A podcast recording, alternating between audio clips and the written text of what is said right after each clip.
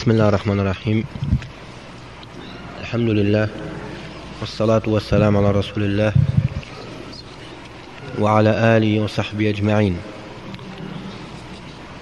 فقال المؤلف رحمه الله تعالى في الحديث في الحديث الثامن عن ابن عمر عن ابن عمر رضي الله عنهما أن رسول الله صلى الله عليه وسلم قال: أمرت أن أقاتل, أقاتل الناس حتى يشهدوا أن لا أمرت أن أقاتل أقاتل الناس حتى يشهدوا أن لا إله إلا الله وأن محمدا رسول الله ويقيموا الصلاة ويؤتوا الزكاة.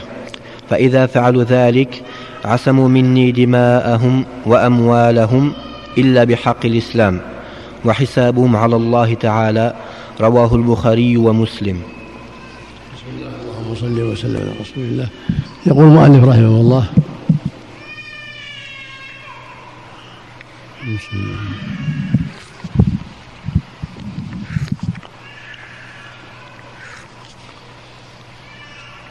الحمد لله الحديث الثامن عن ابن عمر ابن عمر هو عبد الله لا أطلق هو عبد الله بن عمر بن الخطاب رضي الله عنهما يعني عنه وعن أبيه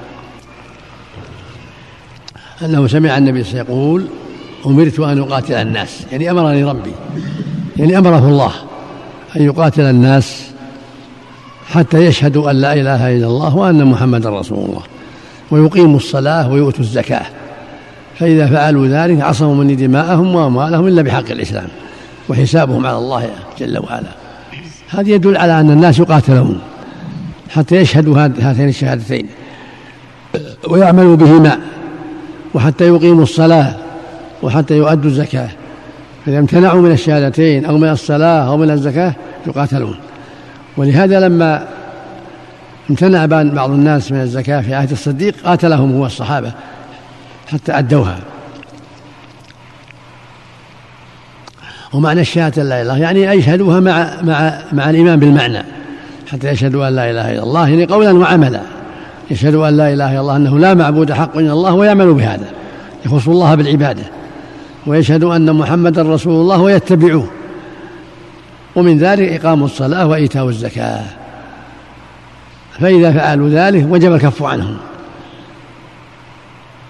وعصمة دمائهم وأموالهم إلا بحق الإسلام عليهم حقوق الإسلام الباقية يطالبون بحقوق الإسلام الصيام صيام رمضان حج البيت الجهاد إذا تيسر الأمر بالمعروف النهي عن المنكر بر الوالدين صلاة الرحم الدعوة إلى الله ترك المعاصي من الزنا وشرب المسكر كأكل الربا إلى غير هذا.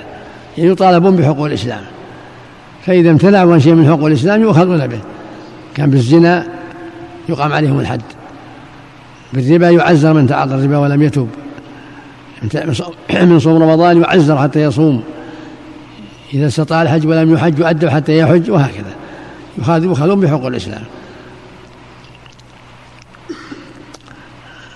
لكن لا يقاتلون على هذا بل يلزمون بهذا الشيء.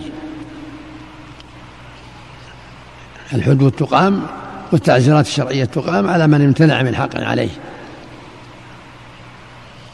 أما إذا امتنع من الشهادتين أو إحداهما أو من الصلاة أو الزكاة فإنهم يقاتلون.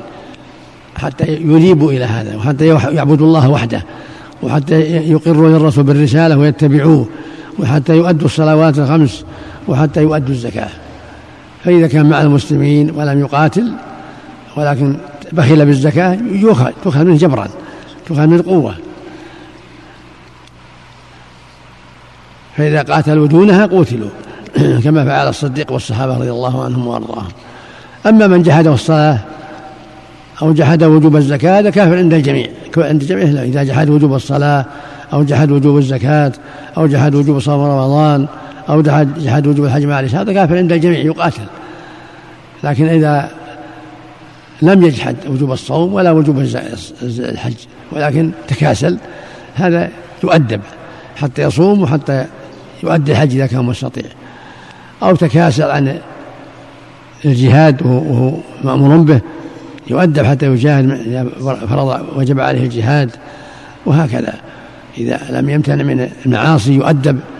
ويقام عليه الحد في في المعصية اللي فيها حد يقام عليه الحد حتى يمتنع.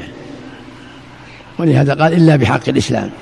يعني يؤخذ بحق الإسلام في الباقية وفق الله الجميع. سم. مثل هذا قوله في الحديث الآخر. أمرت أن أقاتل الناس حتى يقولوا لا إله إلا الله.